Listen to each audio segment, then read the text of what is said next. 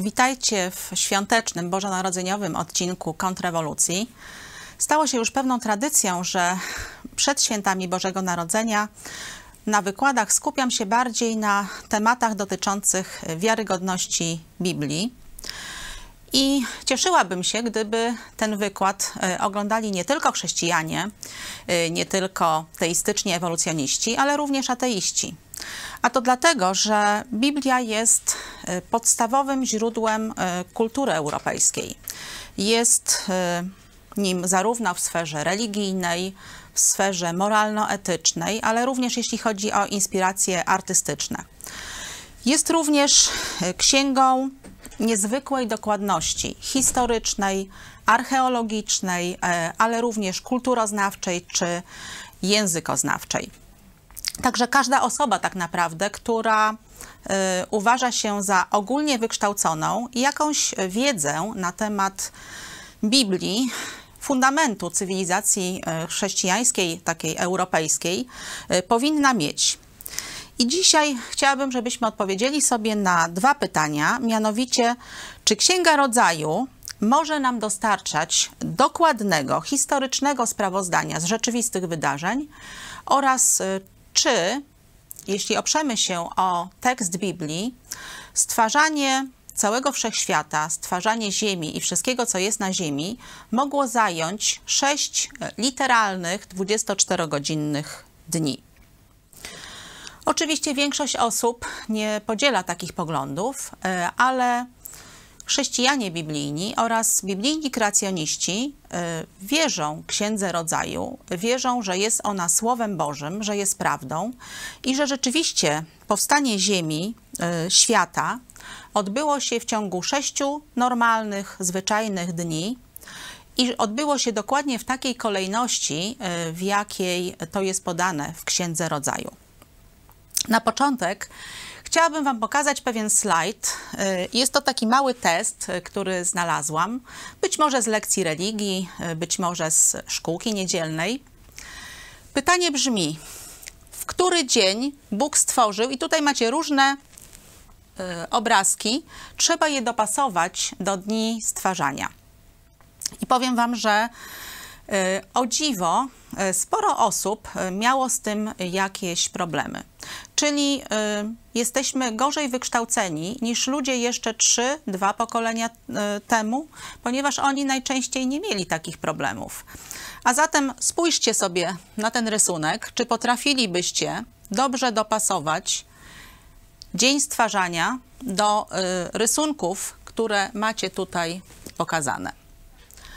No a ponieważ sprawdziłam, że również osobom dorosłym sprawiło to pewien problem, to poproszę kolejny slajd. Dlatego wyjaśniam, jak to jest podane w Księdze Rodzaju.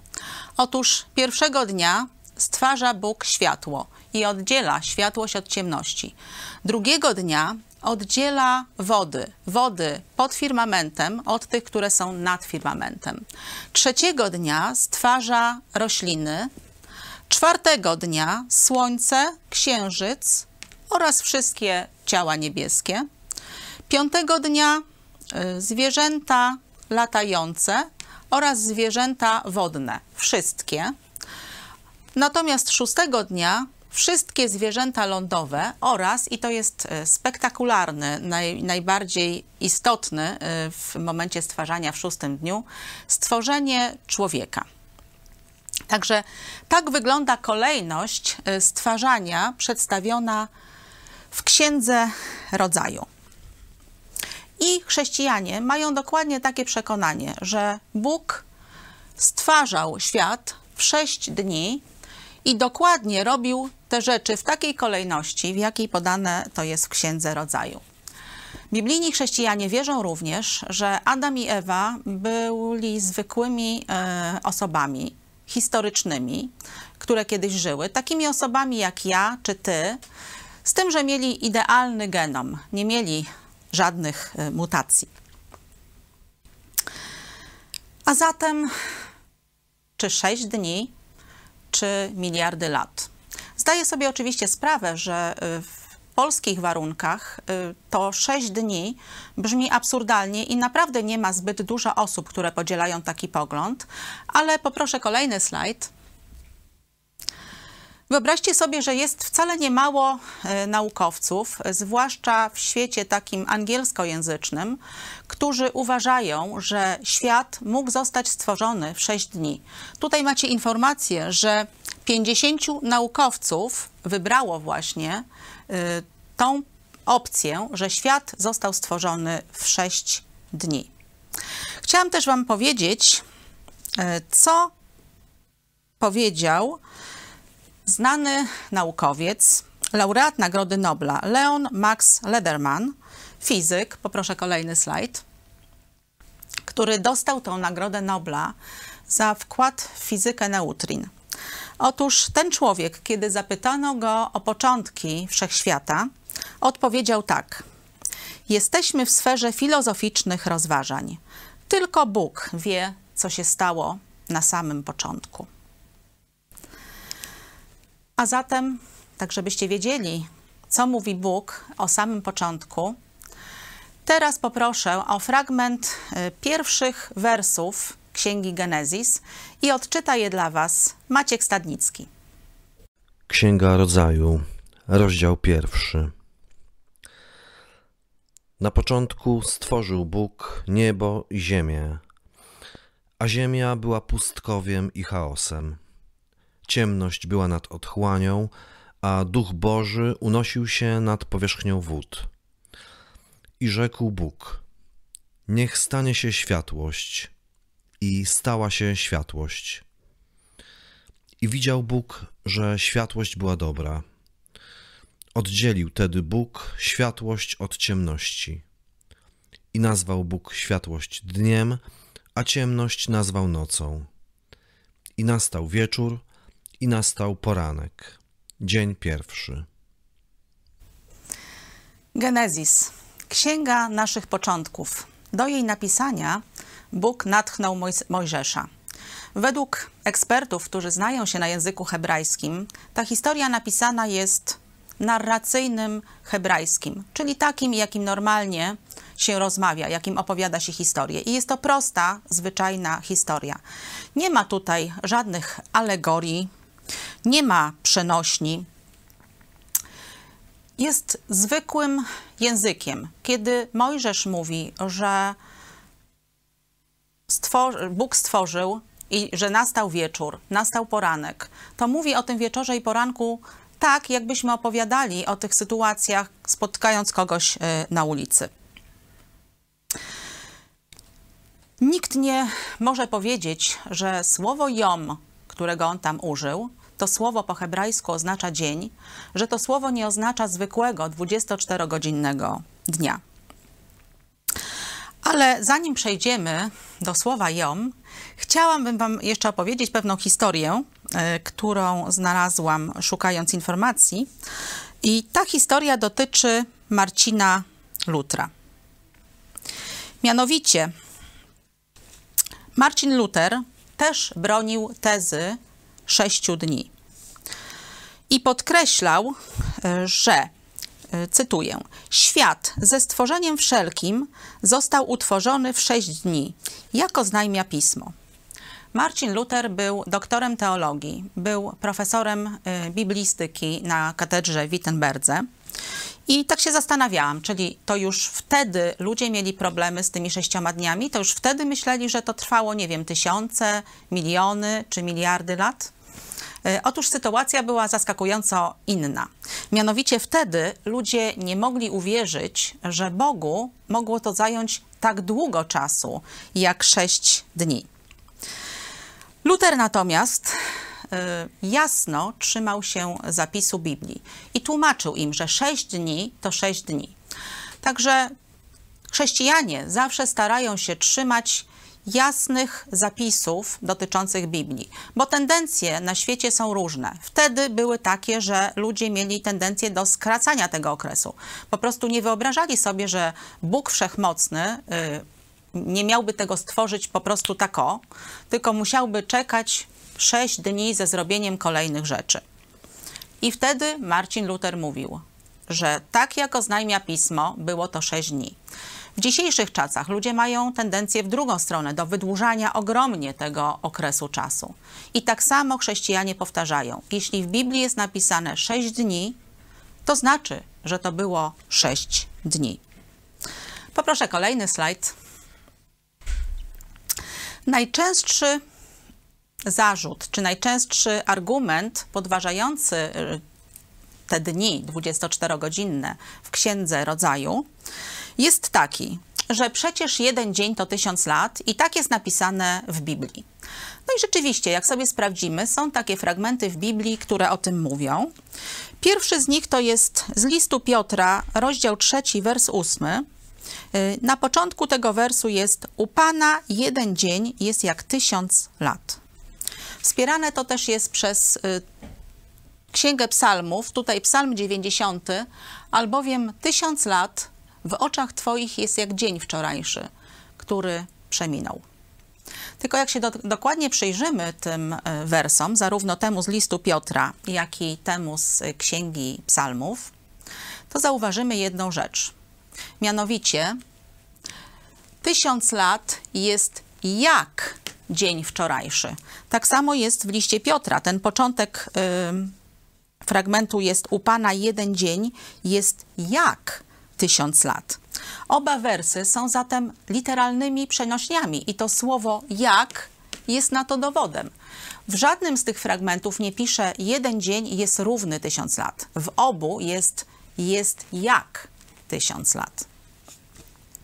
A zatem absolutnie nie jest to argument za tym, że dzień w Księdze Rodzaju mógł trwać inną długość czasu niż jeden zwyczajny dzień. Poza tym, jeśli zwrócimy uwagę na kontekst zarówno listu Piotra, jak i y, Psalmu 90, to y, zrozumiemy, że ta przenośnia jest użyta po to, żeby nam pokazać, jak bardzo cierpliwy jest Bóg oraz że Bóg nie liczy czasu tak, jak liczą go y, ludzie. Ciekawe jest też zakończenie tego fragmentu z listu Piotra, rozdział 3, wers 8, bo początek brzmi: U Pana jeden dzień jest jak tysiąc lat, a zakończenie jest: A tysiąc lat jak jeden dzień. Dlatego nie jest to logicznie dobry argument na to, że dni stwarzania trwały inną długość czasu niż jeden dzień. Ponadto przyjęcie y, innej miary czasu przy dniach stwarzania będzie powodowało e, spore problemy logiczne ze zrozumieniem dni stwarzania. Poproszę kolejny slajd. Mianowicie, Bóg stwarza rośliny trzeciego dnia. Słońce zostało stworzone czwartego dnia. Natomiast wszelkie zwierzęta latające, więc w tym również ptaki i owady, zostały stworzone piątego dnia. Jeśli akceptujemy, że Księga Rodzaju jest prawdą i przedstawia rzeczywisty czas stwarzania, tak jak jest podane, to rośliny stworzone trzeciego dnia jeden dzień mogą poczekać na słońce. Przez noc rośliny mogą poczekać do y, czasu, kiedy będą mogły, mogły rozpocząć fotosyntezę. Tak samo jeśli chodzi o ptaki i owady, które zapylają rośliny. Ten dzień, dwa rośliny mogą poczekać na zapylenie. Natomiast jeśli byśmy uznali, że jeden dzień to tysiąc lat, mamy poważny problem logiczny. Dlatego, że jeśli dzień, czyli doba, jest równy tysiąc lat, no to mniej więcej na okres wieczór, czyli ciemno, przypada 500 lat średnio i na okres poranek, czyli jasno, przypada 500 lat no to na logikę. Roślina 500 lat nie poczeka na okazję do fotosyntezy. Tak samo ponad 1000 lat z pewnością nie poczeka na zapylenie. Nie ma to sensu. No to ktoś mógłby powiedzieć, no ale kto powiedział, że to miałyby być jeden wieczór i jeden poranek? Przecież to mogło być setki wieczorów i setki poranków.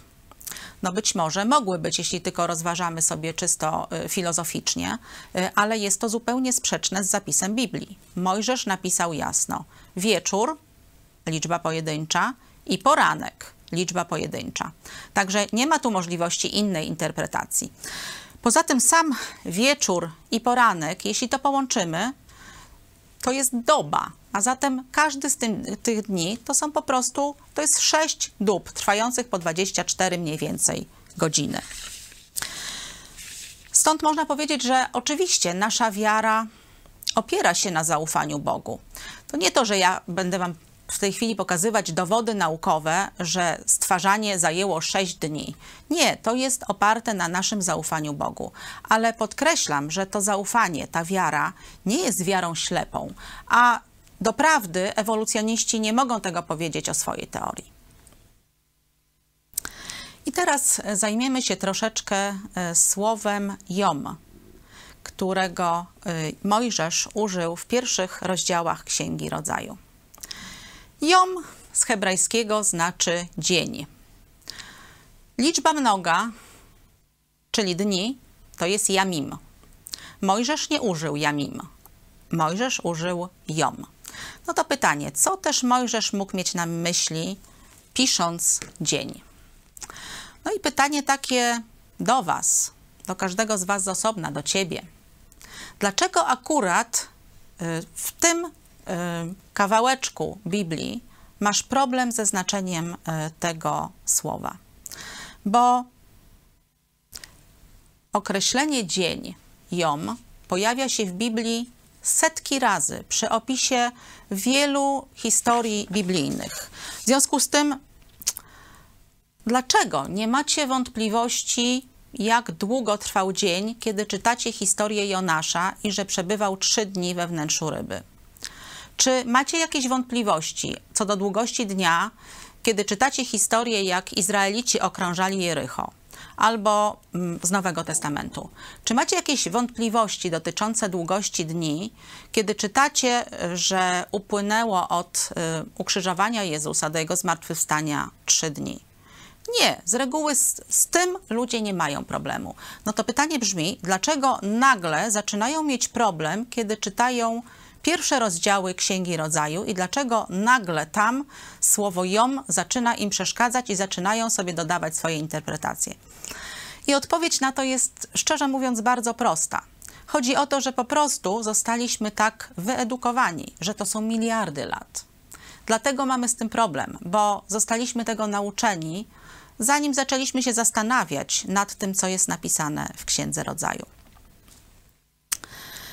Jeden z chyba najwybitniejszych y, znawców, ekspertów od y, języka hebrajskiego, czyli chyba hebraista to się nazywa, y, profesor James Barr, poproszę kolejny slajd, nie miał wątpliwości, że intencją autora Genezis było sześć literalnych dni. Przeczytam Wam, co pisał i co również wykładał jako profesor hebrajskiego. Cytuję. Nie znam żadnego profesora od hebrajskiego Starego Testamentu na żadnym światowej sławy uniwersytecie, który by nie uważał, że autorzy Księgi Rodzaju chcieli przekazać czytelnikowi, że stwarzanie zajęło sześć literalnych dni. To jest zdanie eksperta. Jak twierdził on też, kiedy Jom ma oznaczać yy, okres dłuższy niż dzień, z reguły jest użyte w liczbie mnogiej, czyli jamim, albo jest użyte zawsze z przyimkami. Kiedy natomiast to słowo, które najczęściej jest tylko po to, żeby oddać wyrażenie dzień, jeśli jest e, użyte, żeby miało oznaczać zwykły, literalny 24-godzinny dzień, wtedy jest użyte w liczbie pojedynczej i zawsze razem z liczebnikami albo jako rzeczownik. No to teraz zobaczmy sobie, jak jest to napisane w Księdze Rodzaju. Otóż w Księdze Rodzaju zawsze mamy to napisane w liczbie pojedynczej i zawsze z liczebnikami. Pierwszy dzień, drugi dzień, czwarty dzień, piąty dzień. W związku z czym są to naprawdę bardzo silne argumenty z kontekstu, że chodzi o zwyczajny dzień. Jak już jesteśmy przy języku hebrajskim, to dodam też, że jest w hebrajskim naprawdę dużo wyrazów na określenie mm, czasokresów większych niż jeden dzień. Natomiast tylko jeden wyraz oznacza zawsze dzień. I właśnie ten y, wyraz, dzień, czyli jom, został y, użyty. I to użyty sześć razy z rzędu. No to raczej nie jest przypadek. Jako ciekawostkę, jeśli chodzi o profesora y, Jamesa Barra, powiem, że mm, on sam nie wierzył w sześciodniowe stworzenie. Ale wydaje mi się, że to tylko podnosi wartość jego przekonania dotyczącego y, analizy takiej y, eksperckiej tego fragmentu, dlatego że z pewnością w związku z tym nie narzucał nam swojego punktu widzenia. Po prostu jako ekspert od języka hebrajskiego twierdził, że to znaczenie jasno wynika z Księgi Rodzaju i było dokładnie tym, co autor chciał nam przekazać. I teraz kolejna rzecz, y, też będziemy się skupiali na tym slajdzie. Mianowicie, y, nie tylko chrześcijanie w końcu, także teistyczni ewolucjoniści, czy ateiści, czy ktokolwiek inny, dzielimy mm, czas na tygodnie. I jaka jest ciekawostka, jeśli chodzi o tydzień? Otóż yy, nie ma żadnej podstawy astronomicznej do wyszczególnienia takiego czasokresu jak tydzień. Bo jeśli chodzi o dobę, mamy podstawę astronomiczną do określenia doby. Mamy podstawę astronomiczną do określenia takiej odległości czasowej jak rok. Nawet y, jeśli chodzi o miesiące księżycowe, jest podstawa astronomiczna do określenia tego czasu. Natomiast nie ma takiej, jeśli chodzi o tydzień. No to skąd się w takim razie wziął tydzień? Nie wziął się z astronomii, nie wziął się też e, z innych religii, z innych poglądów. Wziął się dokładnie z Biblii. I to nie tylko z Biblii w sensie mm, Księgi Rodzaju.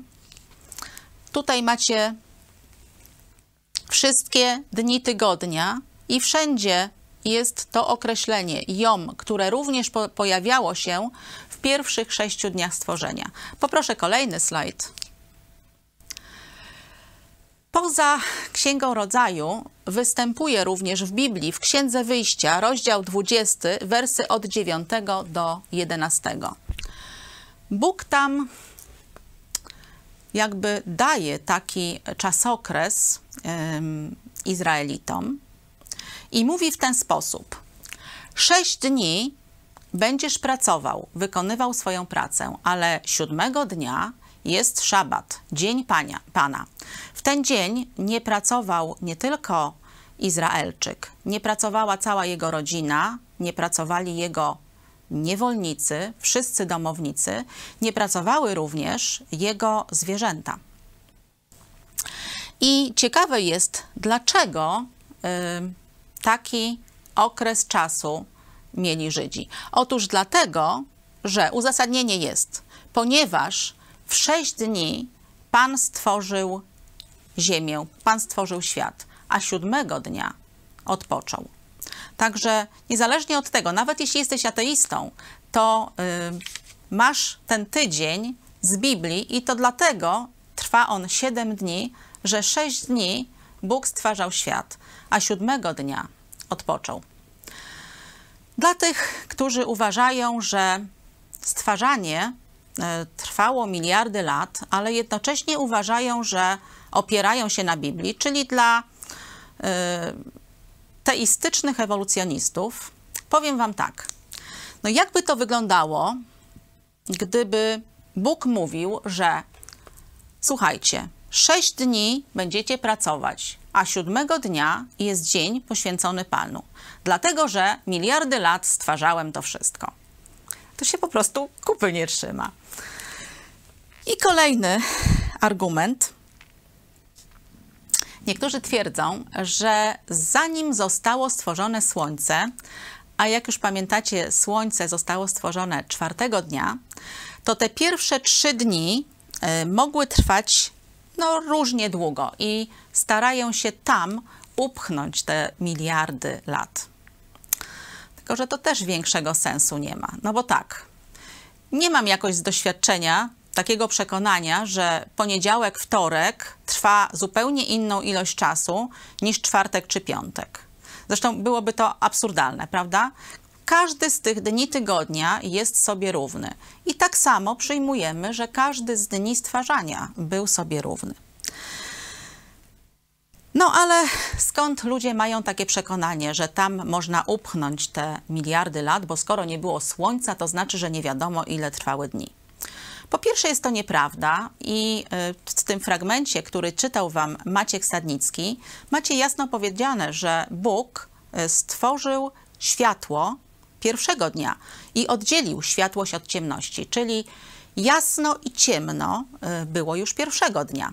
Poza tym Bóg panuje nad światłością i ciemnością. Dowodem na to jest chociażby jedna z plag egipskich, y, plaga ciemności. Otóż y, Egipcjanie chodzili w ciemności wtedy.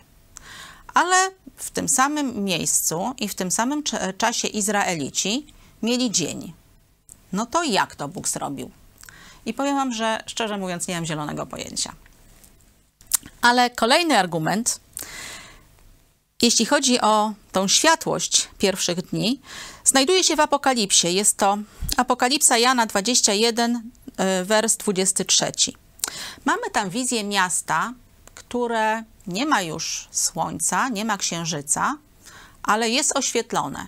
I jest napisane, że oświetla je chwała Boża, a lampą jest baranek. Zatem y, możliwe, że przez te pierwsze trzy dni to Bóg y, oświetlał naszą planetę, to Bóg oświetlał te dni. No i jeszcze taki powiedzmy argument naukowy. Otóż ludzie są przekonani, że skoro nie było słońca, to znaczy, że mm, nie można nic pewnego powiedzieć o długości dni. Przepraszam chwileczkę.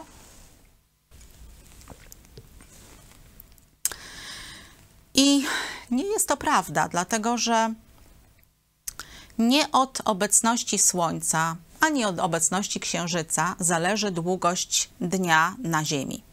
Długość ta zależy od obrotu kuli ziemskiej dookoła swojej osi. Czyli jeśli kula ziemska wykona obrót o 360 stopni, to znaczy, że upłynęła doba. I ten obrót o 360 stopni trwa 24 godziny. Słońce nie ma tu nic do zrobienia. Słońce jest nam potrzebne, owszem, żebyśmy się zorientowali, że kula ziemska zrobiła ten obrót, bo jak będziemy liczyć od jednego wschodu słońca do drugiego wschodu słońca, no to wiemy, że minęło 24 godziny. Ale nawet gdyby zasłonić słońce i kula ziemska wykonałaby ten obrót, to znaczy, że minęła doba. To znaczy, że trwała ona 24 godziny. Pojawiały się też takie w dyskusjach czasami argumenty, że no a skąd wiadomo, że doba y, ileś tam tysięcy lat temu trwała 24 godziny, tak jak teraz? No to sądząc po tym, że mm, wtedy musiałaby nieźle zwolnić, jeśli miałoby to trwać tak długo, to możecie zapytać fizyków, co by się stało, gdyby na przykład tysiąc razy kula ziemska zwolniła swoją prędkość. Jak się zapytacie, to na pewno fizyk Wam wyjaśni, czy to jest możliwe, czy nie. I jeszcze jedna, to już taka e, ciekawostka. Mianowicie, jeśli uznamy, że Słońce zostało stworzone czwartego dnia, no to mamy konflikt z teorią Wielkiego Wybuchu i mamy konflikt e, z pewnymi wyliczeniami dotyczącymi wieku wszechświata, wyliczeniami zresztą opartymi na założeniach, których sprawdzić nie możemy, a zatem nie są to niepodważalne dowody, że Ziemia ma miliardy, czy, czy wszechświat ma 13 e, miliardów lat. Poproszę kolejny slajd. W teorii Wielkiego Wybuchu Gwiazdy powstały jako jedne z pierwszych. Pierwsze to były protogwiazdy, gwiazdy składające się z wodoru i helu tylko. Dopiero potem te gwiazdy ewoluują. Trwa to milionami, miliardami lat. Ewoluują, wybuchają, umierają. Dopiero trakcie ich ewolucji tworzą się jądra pierwiastków cięższych, tworzą się gwiazdy drugiej generacji, gwiazdy trzeciej generacji i dopiero z nich ta ilość pierwiastków cięższych może być na tyle spora, żeby mogła powstać planeta. Czyli w teorii Wielkiego Wybuchu gwiazdy są szalenie ważne. Gdyby nie gwiazdy, to w ogóle nie można by było mówić o tym, że powstałaby Ziemia. One są najważniejsze. No to jest zupełnie odwrotnie niż w Biblii, w Księdze Rodzaju. Poproszę kolejny slajd. Akurat tutaj Nowy Testament, to jest list do Hebrajczyków, rozdział pierwszy, wers dziesiąty. Tyś, Panie, na początku ugruntował ziemię i niebiosa są dziełem rąk Twoich. Czyli zgodnie z Biblią, ziemia już była, wody już były, to drugi dzień, trzeci dzień, rośliny już były stworzone i dopiero Bóg jakby przypomina sobie i stwarza słońce, księżyc i gwiazdy. Czyli y, kolejność jest zupełnie inna, i ta kolejność też świadczy o tym, że Bóg chce nam pomóc, abyśmy nie traktowali Słońca czy innych ciał niebieskich jako czegoś szalenie ważnego, czegoś, co by nas skłaniało do ubóstwiania Słońca czy jakichś innych y, obiektów astronomicznych. Tworzy je dopiero czwartego dnia. I jeszcze fajna jest kolejność, bo tworzy Słońce, czyli to ciało niebieskie, żeby oświetlało dzień. Tworzy księżyc, czyli ciało niebieskie, żeby dawało nam światło w nocy. Czyli zobaczcie, jak to jest wszystko skupione na kuli ziemskiej. No i potem na końcu, a jeszcze gwiazdy. Czyli jak wychodzimy na, na dwór nocą i patrzymy na ten bezmiar gwiazd, na te wszystkie gwiazdozbiory, jakie to jest nieskończone, jakie piękne, to Bóg nam mówi w Księdze Rodzaju, że Wiecie, to nie jest takie ważne. To owszem, daje pojęcie o, o tym, jak niezmierzony jest Bóg, jak jest wszechmocny, ale to nie gwiazdy są ważne, to Bóg jest ważny. Przy okazji chciałabym Wam zaproponować naprawdę w filmie Genezis Raj Utracony Pięknie jest przedstawiony czwarty dzień stwarzania. Jeśli byście mieli gdzieś możliwość zobaczenia tego filmu, jeśli gdzieś w okolicach waszych byłaby projekcja tego filmu, to skorzystajcie z okazji. Naprawdę pięknie w technologii 3D pokazane. Jeśli nie, w naszym sklepiku też ten film jest do nabycia. A my dojdziemy do najważniejszego argumentu. Zostawiłam go sobie na koniec. Mianowicie, jeśli odrzucamy dosłowny, sześciodniowy okres stwarzania, pojawiają się bardzo istotne, bardzo poważne problemy teologiczne. Poproszę następny slajd. Mianowicie Bóg na początku stworzył świat, który sam określił jako bardzo dobry. To jest najwyższa ocena. To jest świat na piątkę. Nie było w nim chorób, nie było w nim śmierci, katastrof naturalnych. Bóg stworzył raj. I był to raj, w którym również nie chorowały, nie zdychały zwierzęta, nie zżerały się też nawzajem. Zwierzęta żywiły się roślinami, człowiek owocami. Zwierzęta żyły w pokoju między sobą, wszystkie, i żyły też w pokoju z człowiekiem. To był naprawdę bardzo piękny i bardzo dobry świat. To, że taki przestał być, było spowodowane grzechem Adama i Ewy, ich upadku, upadkiem. To ten grzech sprowadził na ziemię zło, śmierć i inne nieszczęścia.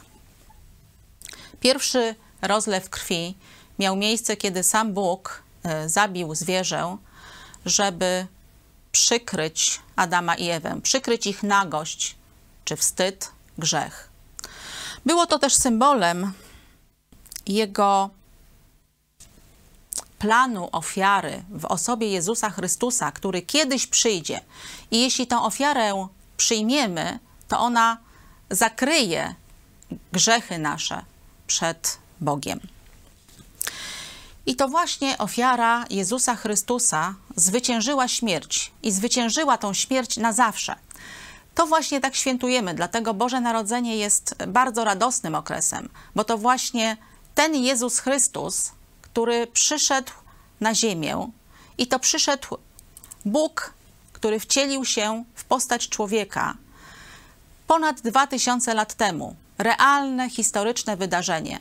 Był właśnie tą ofiarą, dzięki której my możemy odzyskać życie wieczne. Bóg kiedyś przywróci raj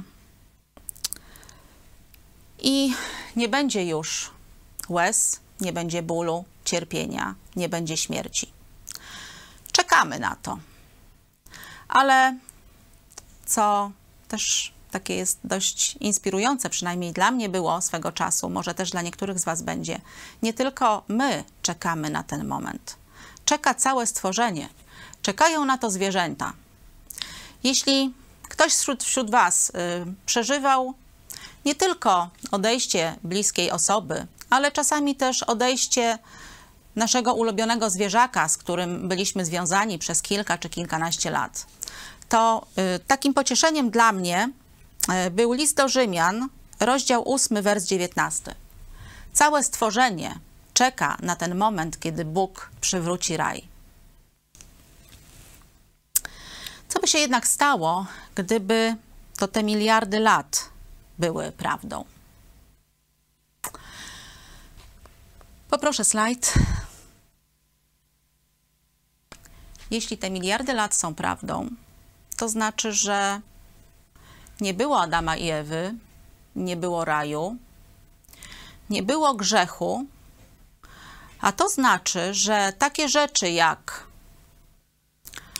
wymarcia zwierząt, choroby, mutacje, yy, śmierć, cierpienie są immanentną częścią świata. To znaczy, że były od początku tego świata, są teraz i będą do końca świata. Są po prostu czymś zupełnie normalnym. Nijak nie są związane z jakimś tam grzechem jakiegoś tam Adama czy Ewy. Są po prostu naturalną koleją rzeczy, do której powinniśmy się przyzwyczaić i żyć w tym normalnie, jak ryba w wodzie. No ale pojawia się takie pytanie w związku z tym. To dlaczego Jezus Chrystus przyszedł na ziemię? Od czego miał nas uratować?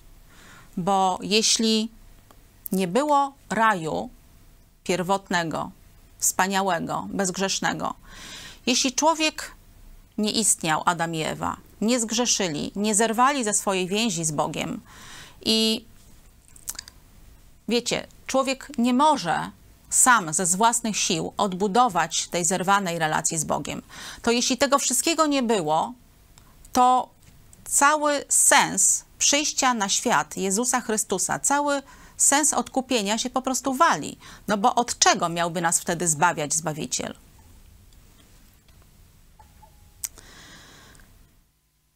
Pojawiają się też inne pytania.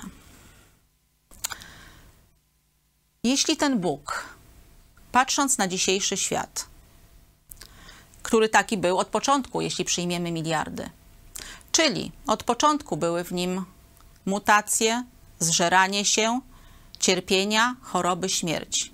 Jeśli Bóg patrzyłby na taki świat i nazwałby go bardzo dobrym, to byłby naprawdę ohydnym kłamcą, bo ten świat nie jest bardzo dobry i każdy z nas wcześniej czy później takie odczucie ma. Poza tym, jeśli ten Bóg stworzyłby coś, co dopiero teoria ewolucji, właśnie nie teoria, co dopiero ewolucja, proces y, ślepy, bezmyślny, nieukierunkowany miałaby poprawiać i poprawiłaby, no to by znaczyło, że ta nieukierunkowana, przypadkowa ewolucja jest lepsza, lepiej działa niż Bóg. No to co można powiedzieć o takim Bogu? To raz, że byłby sadystą, że na coś takiego by pozwalał, a dwa, że byłby strasznie niedorobionym Bogiem, skoro nie potrafiłby od razu stworzyć perfekcyjnego zwierzęcia. To nie byłby wszechmocny Bóg, to by była jakaś popierdółka Boga. To, to zupełnie jest nie do przyjęcia. Dlatego teistyczni ewolucjoniści mają taki problem z tak naprawdę szczerym zaufaniem Bogu. No i jeszcze jeden problem. Poproszę następny slajd. Jeszcze następny. to nie jest dobry świat. Mianowicie, jeśli byśmy założyli, że człowiek jest dopiero ostatnim ogniwem ewolucji, że przez miliony lat człowiek, znaczy stworzenia jakieś ewoluowały, zanim pojawił się człowiek, to w takim razie Jezus również jest kłamcą. Bo Jezus powiedział, że od początku Bóg uczynił ich mężczyzną i kobietą. To jeśli to nie było od początku, tylko początki trwały miliony lat, zanim pojawił się człowiek z jakiegoś tam małpo luda, no to znaczy, że Jezus naprawdę fatalnie kłamał w Nowym Testamencie. Nie w takiego Boga, jak taki niedorobiony, o którym Wam teraz mówiłam, wierzymy. Bóg Biblii taki nie jest. Cechy Boga Biblii kompletnie nie pasują do teorii ewolucji. Bóg Biblii to Bóg dobra, Bóg sprawiedliwości i Bóg miłości. Ten świat jest taki zły, niesprawiedliwy. Jest światem, w którym cierpimy my, jest światem, w którym cierpimy zwierzęta, dlatego, że to jest świat zepsuty przez grzech, a nie dlatego, że ten świat był tak stworzony od początku. Kiedy mówię Wam już chyba od ponad dwóch lat te wykłady kontrrewolucji dotyczące nauki, którą zresztą bardzo lubię i zachwycam się tym, że jesteśmy w stanie, jesteśmy tak stworzeni, że jesteśmy w stanie odkryć racjonalne prawa rządzące tym światem, że jesteśmy w stanie przewidywać ruchy planet, że jesteśmy w stanie odkrywać cykle metaboliczne i wiele, wiele innych rzeczy. To celem nie jest tylko, żebyście uznali, że fajnie, jest jakiś tam projektant. Zresztą celem Boga też to nie jest. Kiedy Bóg stwarzał ten piękny świat, to nie chodziło mu tylko o to, żebyście wyszli i stwierdzili, a no tak, ładne to drzewo, fajnie, gdzieś tam jest jakiś inteligentny projektant. Bo jeśli tylko na tym się skupimy, to to jeszcze nie jest yy, to, do czego powinniśmy dojść. Celem jest właściwa, osobista relacja z Bogiem. Dlatego właśnie Księga Rodzaju jest taka ważna, jest bardzo ważna. Naprawdę polecam Wam, jeśli macie trochę czasu w święta, poczytać sobie pierwsze rozdziały Księgi Rodzaju. Bo chodzi o to, żeby poznać Boga, kim On jest i co zrobił dla nas, co zrobił dla mnie, co zrobił dla Ciebie, dla każdego z osobna. Jeśli nie dowiesz się, kim on jest, jeśli nawet będziesz świetny, jeśli chodzi o znajomość badań naukowych, nawet jeśli uznasz, że to wszystko to zdecydowanie jest teoria inteligentnego projektu, a nie teoria ewolucji, to, to i tak chybiłeś najważniejszego celu, dla którego Bóg stwarzał świat i stwarzał przede wszystkim człowieka, przede wszystkim ciebie. Bo stworzył cię po to, żebyś odkrył, kim jest Bóg i żebyś skorzystał z oferty ratunku, jaką oferuje. Jaki jest ten Bóg? No jest Bogiem dobra, ale jak wspomniałam, jest też Bogiem sprawiedliwym. Bóg powiedział, że karą za grzech jest śmierć. No i jest Bogiem sprawiedliwym, czyli grzech musi zostać osądzony. A każdy z nas ma coś na sumieniu. Każdy z nas w jakimś stopniu, jedni mniej, pewnie drudzy więcej, złamali Boże prawo. Czyli karą dla nas jest śmierć. Dlatego święta Bożego Narodzenia są tak fantastyczne, dlatego Jezus Chrystus jest taki ważny. Jest najważniejszy, dlatego że to On wziął na siebie karę za nasz grzech. Czyli my możemy żyć dlatego, że On poniósł za nas karę i jest jedynym Zbawicielem. Nie ma innego imienia, w którym moglibyśmy być zbawieni. I nie mogło się to też inaczej odbyć, bo gdyby nie była potrzeba aż takiego cierpienia, śmierci przez krzyż, w ten sposób odkupienia naszych grzechów, to z pewnością Bóg nie, po, nie posyłałby na taką śmierć swojego jedynego ukochanego syna.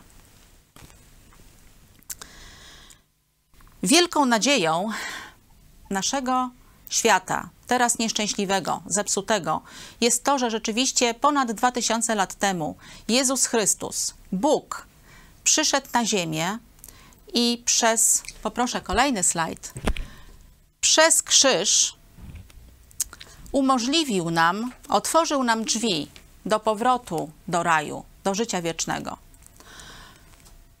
Jeśli skorzystasz z tej ofiary Jezusa, to wtedy dopiero nie chybiłeś celu, wtedy dopiero zrealizowałeś najważniejszą rzecz w swoim życiu. W te święta Bożego Narodzenia, jak zresztą wiele innych świąt, y, ludzie mają zwyczaj obdarowywać swoich bliskich prezentami y, i przyjmować od nich prezenty. A nie ma większego prezentu i z większą miłością oferowanego ludziom niż prezent, który daje nam Jezus Chrystus. Tym zakończę ten ostatni w tym roku wykład kontrrewolucji. I mam nadzieję, że spotkamy się w 2020 roku. Życzę Wam wszystkim naprawdę dobrych, radosnych, rodzinnych świąt. Wam i wszystkim Waszym bliskim.